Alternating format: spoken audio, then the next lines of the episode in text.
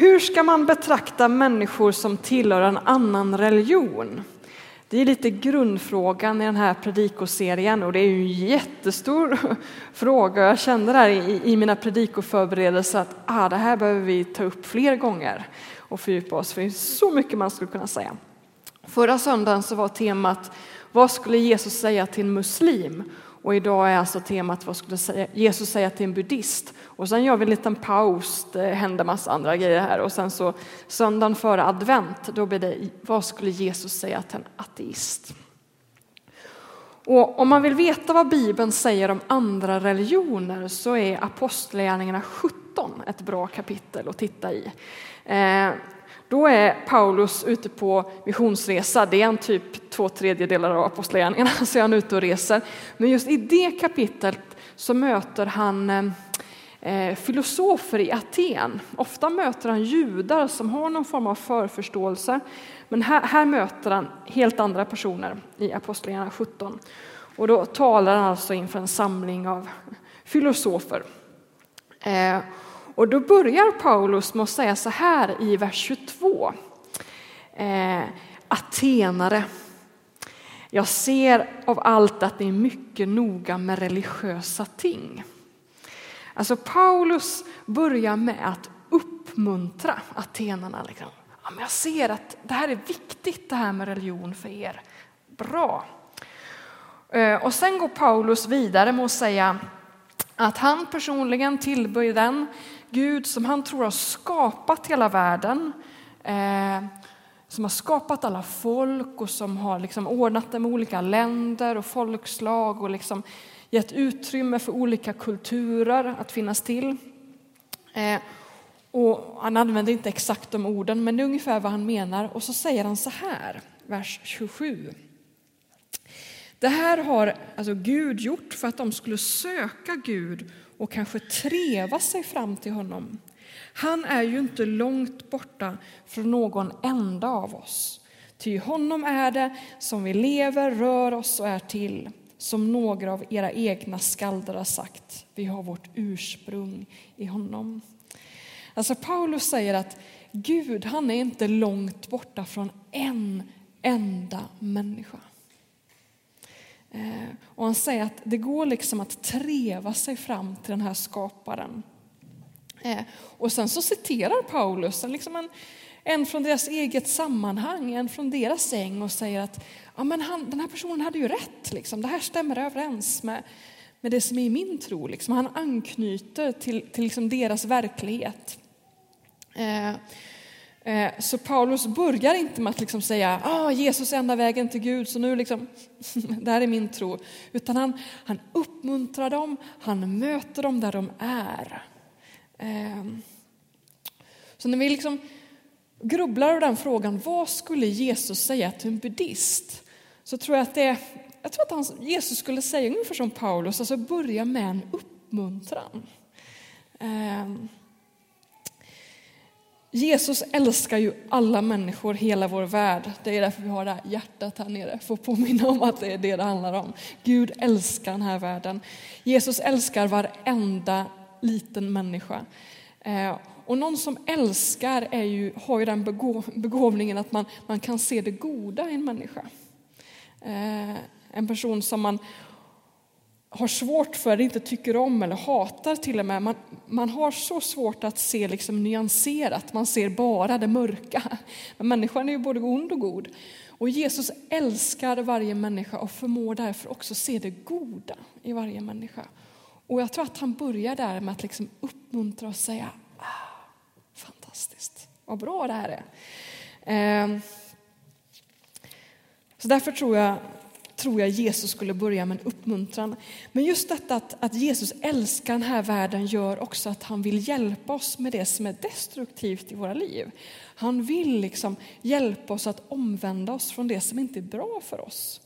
Så Jesus skulle börja med en uppmuntran, men jag tror att också han skulle fortsätta med att ah, men det här kanske du behöver titta lite på. Eh, och det är, Paulus går vidare i sin predikan i Apostlagärningarna 17 genom att säga så här. En lång tid har Gud haft överseende med okunnigheten, men nu ålägger han människorna alla och överallt att omvända sig. Att nu är det liksom tid för mission.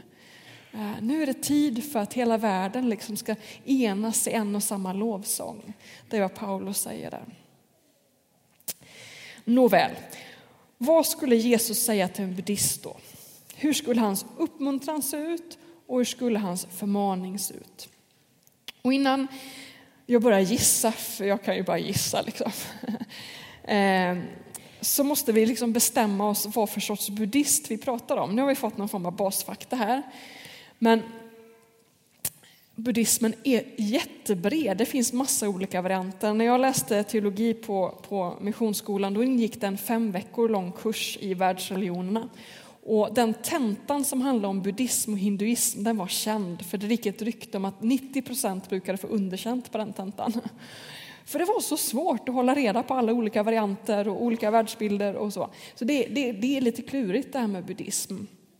Men men när jag kommer att prata nu så tänker jag men en, liksom en buddhist som finns i Sverige. Eh, och som, som, som praktiserar det här med meditation, en hängiven buddhist. Inte bara någon som har en liten buddha i vardagsrummet och tänder lite rökelse ibland. Utan ja, man faktiskt ger sig till den här praktiken, den buddhistiska praktiken. Så det är liksom vad jag tänker mig. Och då har jag varit och surfat lite på nätet och det finns faktiskt en buddhistisk retreatgård här i Östergötland, i Ödeshög. Och då gick jag och kollade på deras retreatprogram. Så här ser det ut. 4.00 väckning. och sen så är det gå och lägga sig klockan halv tio.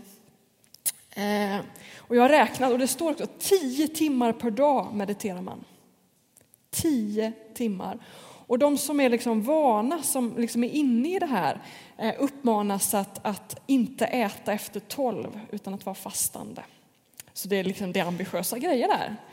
Eh, Eh, I vår ska vår församling tillsammans med pingstförsamlingen anordna två retriter i vår. En i februari och en i mars. Och jag är säker på att om vi skulle haft det här programmet så skulle vi inte fått en enda anmälan. Vi har en liten annan ambitionsnivå. Vi har, på de här retriterna så ska man be eller meditera då två gånger 30 minuter, alltså en timme per dag. Eh, och sen har vi några gemensamma bönestunder också.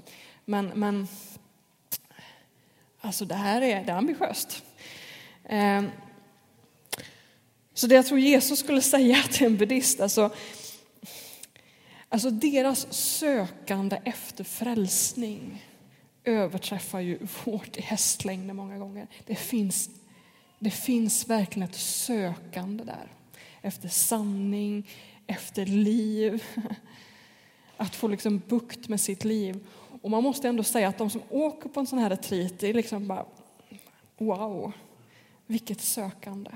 Och det tror jag Jesus skulle möta de här människorna i. Liksom, wow, liksom, vilken energi, eh, vilket sökande.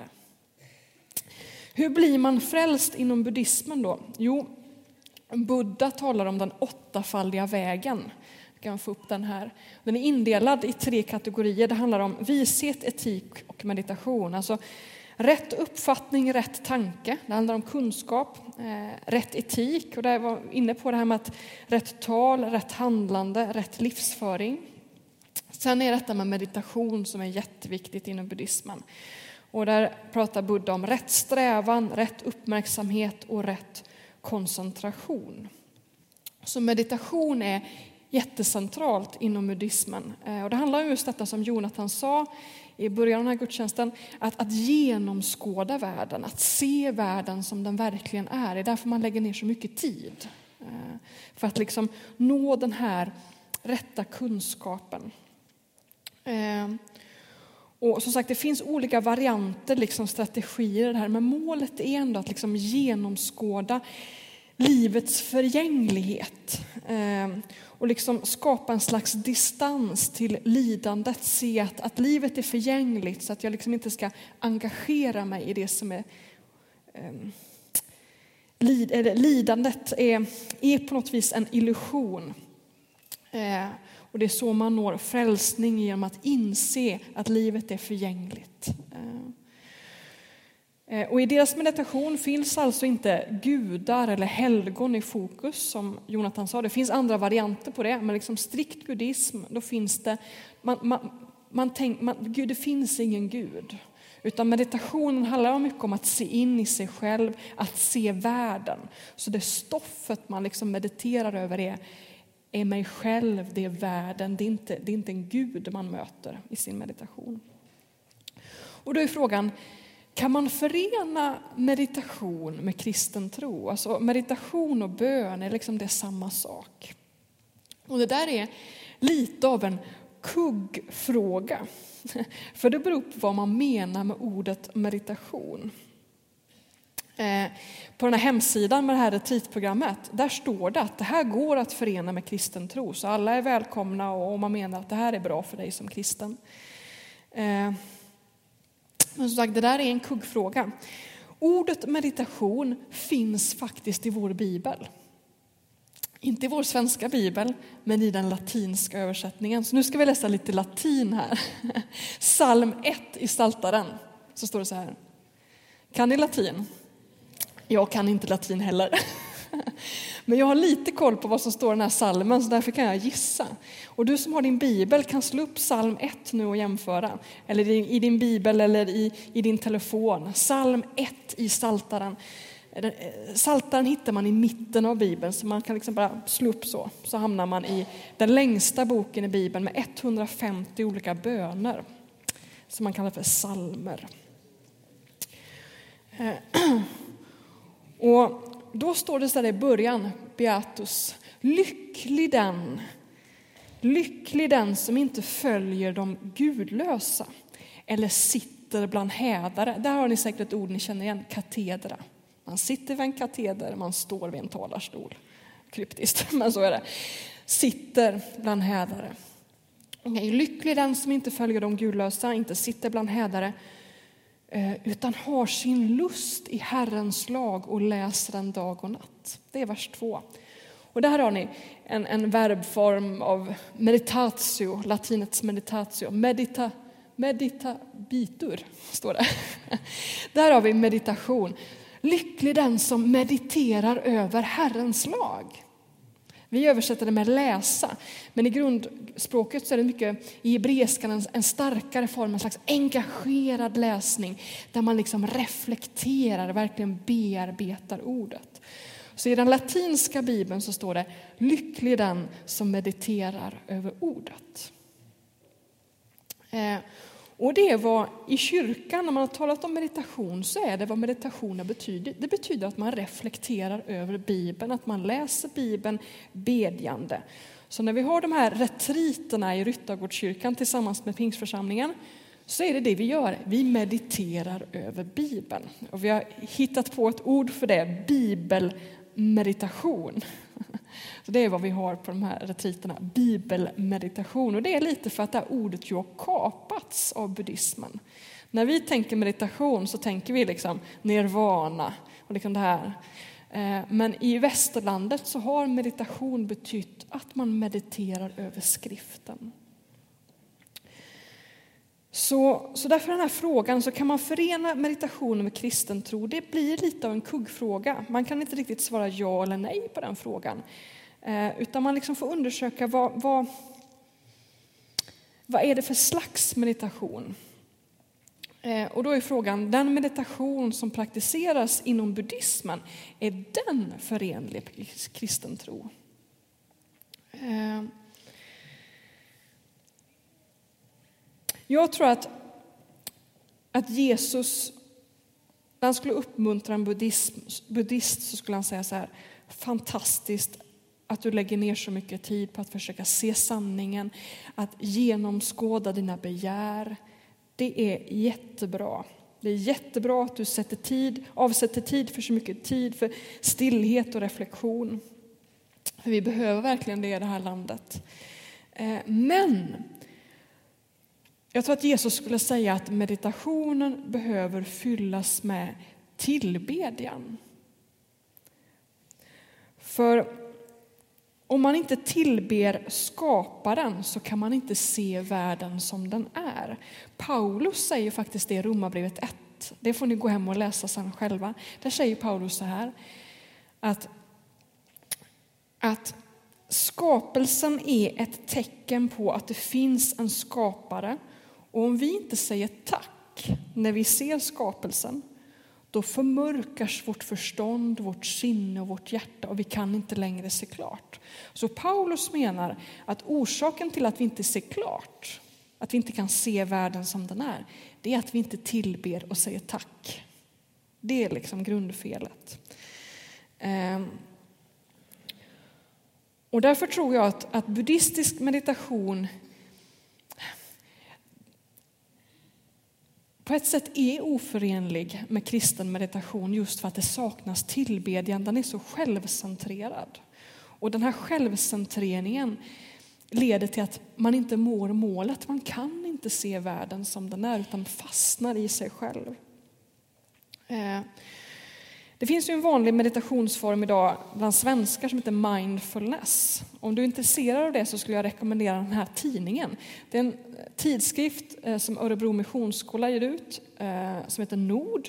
Varje nummer har ett tema och det här temat för det här, just det här numret som är nummer ett för 2012 har tema mindfulness där man funderar just hur ska man som kristen se på detta med mindfulness.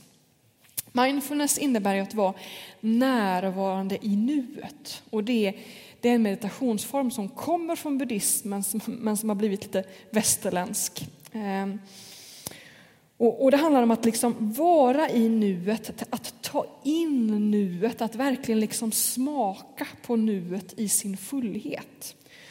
Ehm, och så ser det ut i Sverige. Men om man är en renlärig buddhist, då går man lite längre. Då smakar man på nuet och sen försöker man distansera sig från det.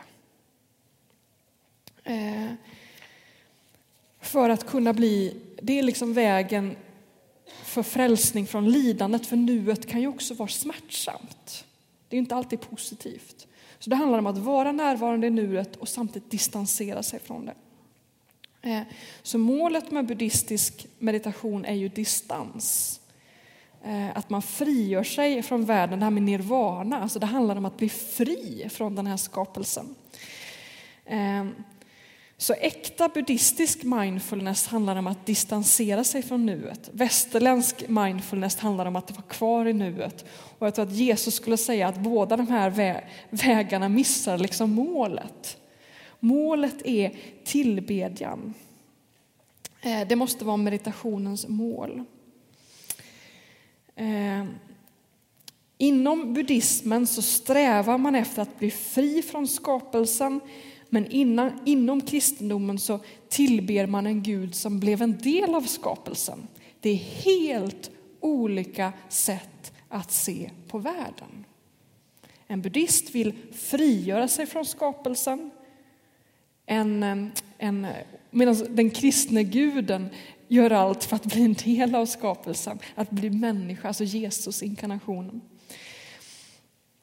Eh, en del kristna är ju idag i Sverige väldigt arga över att vi använder ordet meditation i kyrkan. Jag tycker snarare att vi ska återta det ordet och börja meditera mera för jag tror att det är just det som är problemet i, i kyrkan idag. Vi mediterar alldeles för lite och framförallt mediterar vi väldigt, väldigt, väldigt lite över julevangeliet. Det borde vi meditera mycket över, julevangeliet, alltså detta att Gud blev människa. För några år sedan så läste jag en, en biografi av en, eh, en tibetansk nunna uppvuxen i England men åkte till Tibet och blev nunna där. Jätteintressant bok. Och då beskriver hon om en vanlig liksom, meditationsövning som hon ägnar sig åt. Och det är att föreställa sig ett lik som ruttnar. Det vill säga att ja, men, liksom hela den här processen från det att man dör till liksom det kommer maskar och hela den här liksom förruttnelseprocessen var det hon mediterade över mycket. Och det handlar just om detta att lära sig att livet är förgängligt. Att det, liksom, det är ett sätt att liksom nå frihet från den här världen. Och det är ju sant, livet är förgängligt, vi ska dö. Och samtidigt är det ju så att i kristen tro så bekänner vi en Gud som har besegrat förgängligheten. En Gud som blev människa för att rädda det kroppsliga från den här förgängelsen. Eh, Gud blev en människa som dog och uppstod, uppstod. Och just den här uppståndelsen, det är just Guds bejakande av det kroppsliga livet. Det är någonting gott. Himlen är inte detsamma som nirvana, bort från det kroppsliga livet. Utan himlen, det är någonting som ska komma hit, här och nu. Och det skulle jag nog säga att det är en allvarlig buddhistisk influens i kyrkan, att vi tänker oss att frälsning är något okroppsligt. Att frälsning handlar om att komma bort från det här. Nej, frälsning handlar om att frälsa kroppen och det kroppsliga livet. Att befria skapelsen från det destruktiva. Eh, så vad skulle Jesus säga till en buddhist? Jo, bejaka din kroppslighet. Bejaka skapelsen.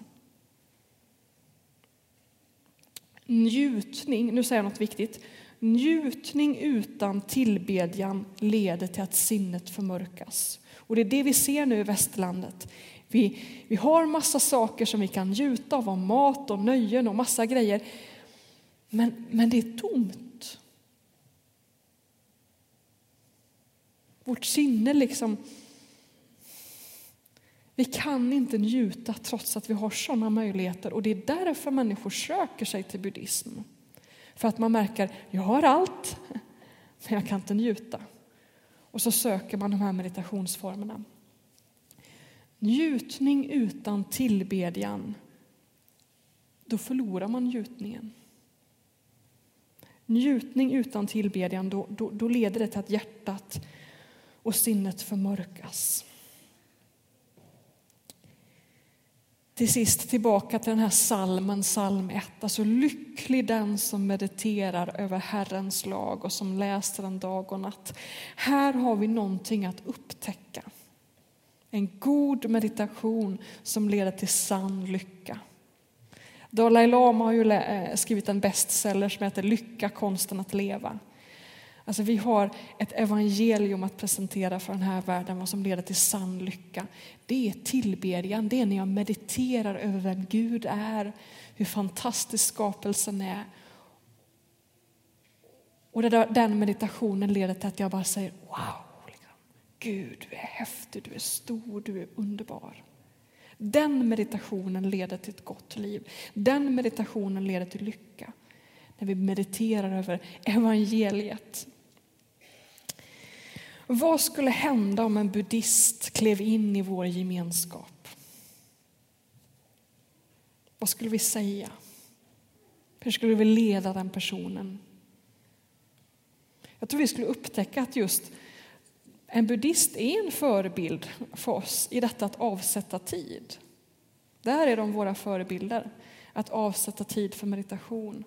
Men jag skulle önska att, att om en buddhist kom hit så skulle den dras in i vår lovsång, att få lära sig hänförelse, att ge sig in i tillbedjan. Jag skulle önska att vår församling var ett slags meditationscenter där man liksom drogs in i en lovsång och i en hänförelse inför Guds allmakt och storhet och godhet och kärlek. Tänk om vår gudstjänstmiljö skulle få vara en sån miljö där människor drogs in i ett fokus, i en koncentration. Vi har svårt med fokus. Där är buddhisterna en förebild. Men de kommer inte hela vägen. Vi skulle kunna lära oss av varandra i det. I psalm 1 stod det Lycklig den som inte följer de gudlösa, inte går syndares väg eller sitter bland hädare. Just den salmen var, var ett liksom argument för frikyrkan för 80 år sedan för att man inte skulle gå på bio. Man kunde ju inte sitta bland hädare eller bland syndare. Därför var det en synd att gå på bio för 60-80 år sedan. Det har vi gjort upp med idag. Det är inte synd att gå på bio.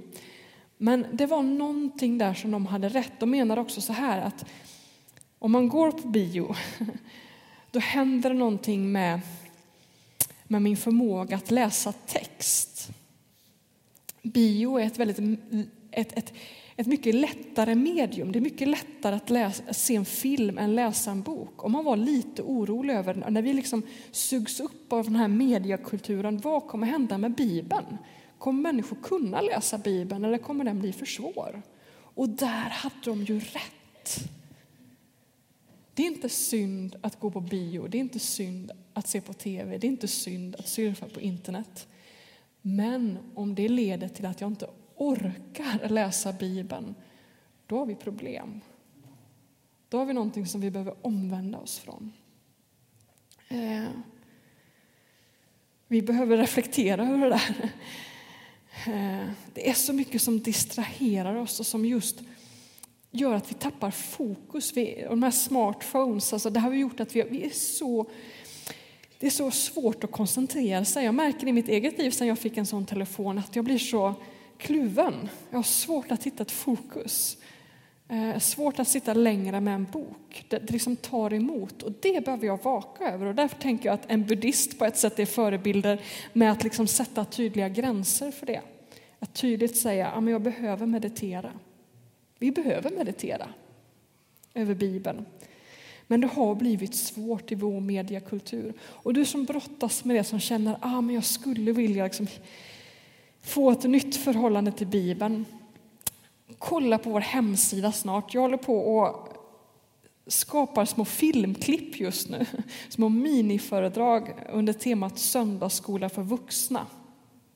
Eh, just för att jag märker att vi i vår mediekultur har tappat så mycket. Vi behöver hjälp in i Bibeln. Så då har jag hållit på med en liten miniföredragsserie som ska ligga på webben som heter Söndagsskola för vuxna. Kolla efter det och ta del av det om du känner just detta, jag har, jag har tappat. Den här lyckan över att få meditera över ordet. För det finns en lycka i det. Men det är lite arbete. Det är, det kan vara klurigt att, att, att liksom göra de här första stegen in i Bibeln, men det är en enorm lycka att få göra det. Lycklig den som mediterar över Herrens ord, ord dag och natt. Det är det sista jag säger. Nu ska vi be. Innan jag bjuder in till de här olika böneplatserna. Vi har förebedjare som vanligt som ber för dig. Kanske just du som brottas med din bibelläsning, med dina vanor och du känner att du bara flyter omkring. Sök förbön. Be om Guds kraft. Be om, om att längtan efter Bibelns ord ska komma, börja spira igen. Be om hjälp. Vilket bönedöme du än har kan du söka dig till förebedjarna där vid trappan. Vi har en bönelåda här där du får skri, kan få skriva din bön och lägga i lådan. Det är ett sätt att liksom öva upp koncentrationen. Om du har svårt att samla tankarna, skriv en bön. Vi har eh, eh, korset här. Mattan, du får falla på knä. Jag ska också lägga hjärtat och jordgloben där så kan du få både få överlåta dig på nytt till Jesus men också be för den här världen med alla dessa människor som söker och famlar. Och, och be. Be för världen och en förnyad kärlek till världen. Att kunna se på människor och annan tro med kärlek och nöd och iver att få berätta om evangeliet. Vi har också ett fisknät där borta där du kan få skriva namnet på människor som du vill ska finna Jesus, komma till tro på honom och så be en bön för de personerna där borta. Nåväl, vi ska be.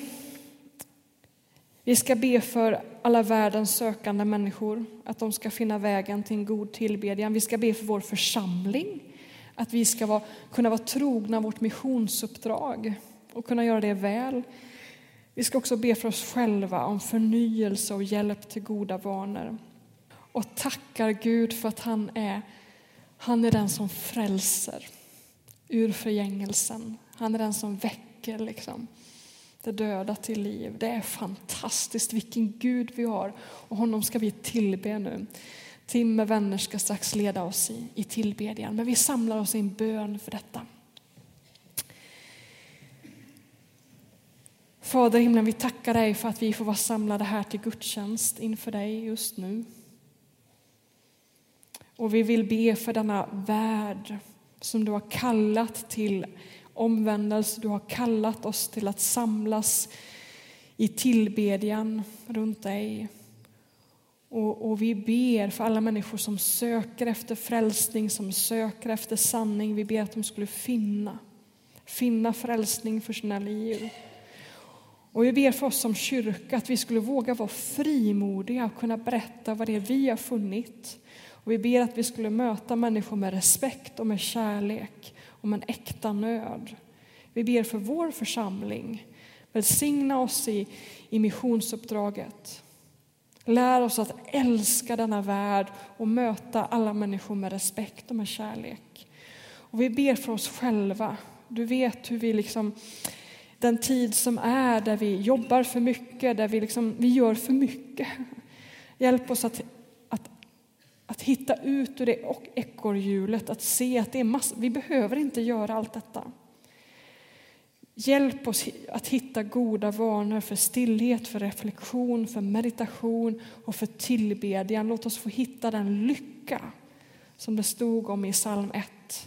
Låt oss få bli dessa lyckliga människor som går med en slags förnöjsamhet och lovsång över, över dig som har stigit ner i den här världen, blivit människa och frälst oss från det förgängliga livet. Jag ber att vi skulle få bli hänförda i denna gudstjänst över detta evangelium, att du har blivit människa, att du uppstod från de döda. Och så vill vi tacka för Agneta, för det liv hon fick leva. Och vi ber för, för familj och för anhöriga i sorgen. Vi ber att, du, att de verkligen får, skulle få gråta ut i din famn. Att både få gråta över att vi inte får se Agneta på ett tag, men också få jubla över din uppståndelse. Att du förmår resa Agneta upp från graven.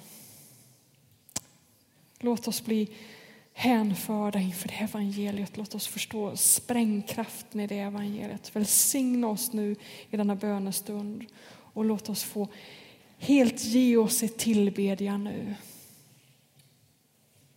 I Jesu namn. Amen.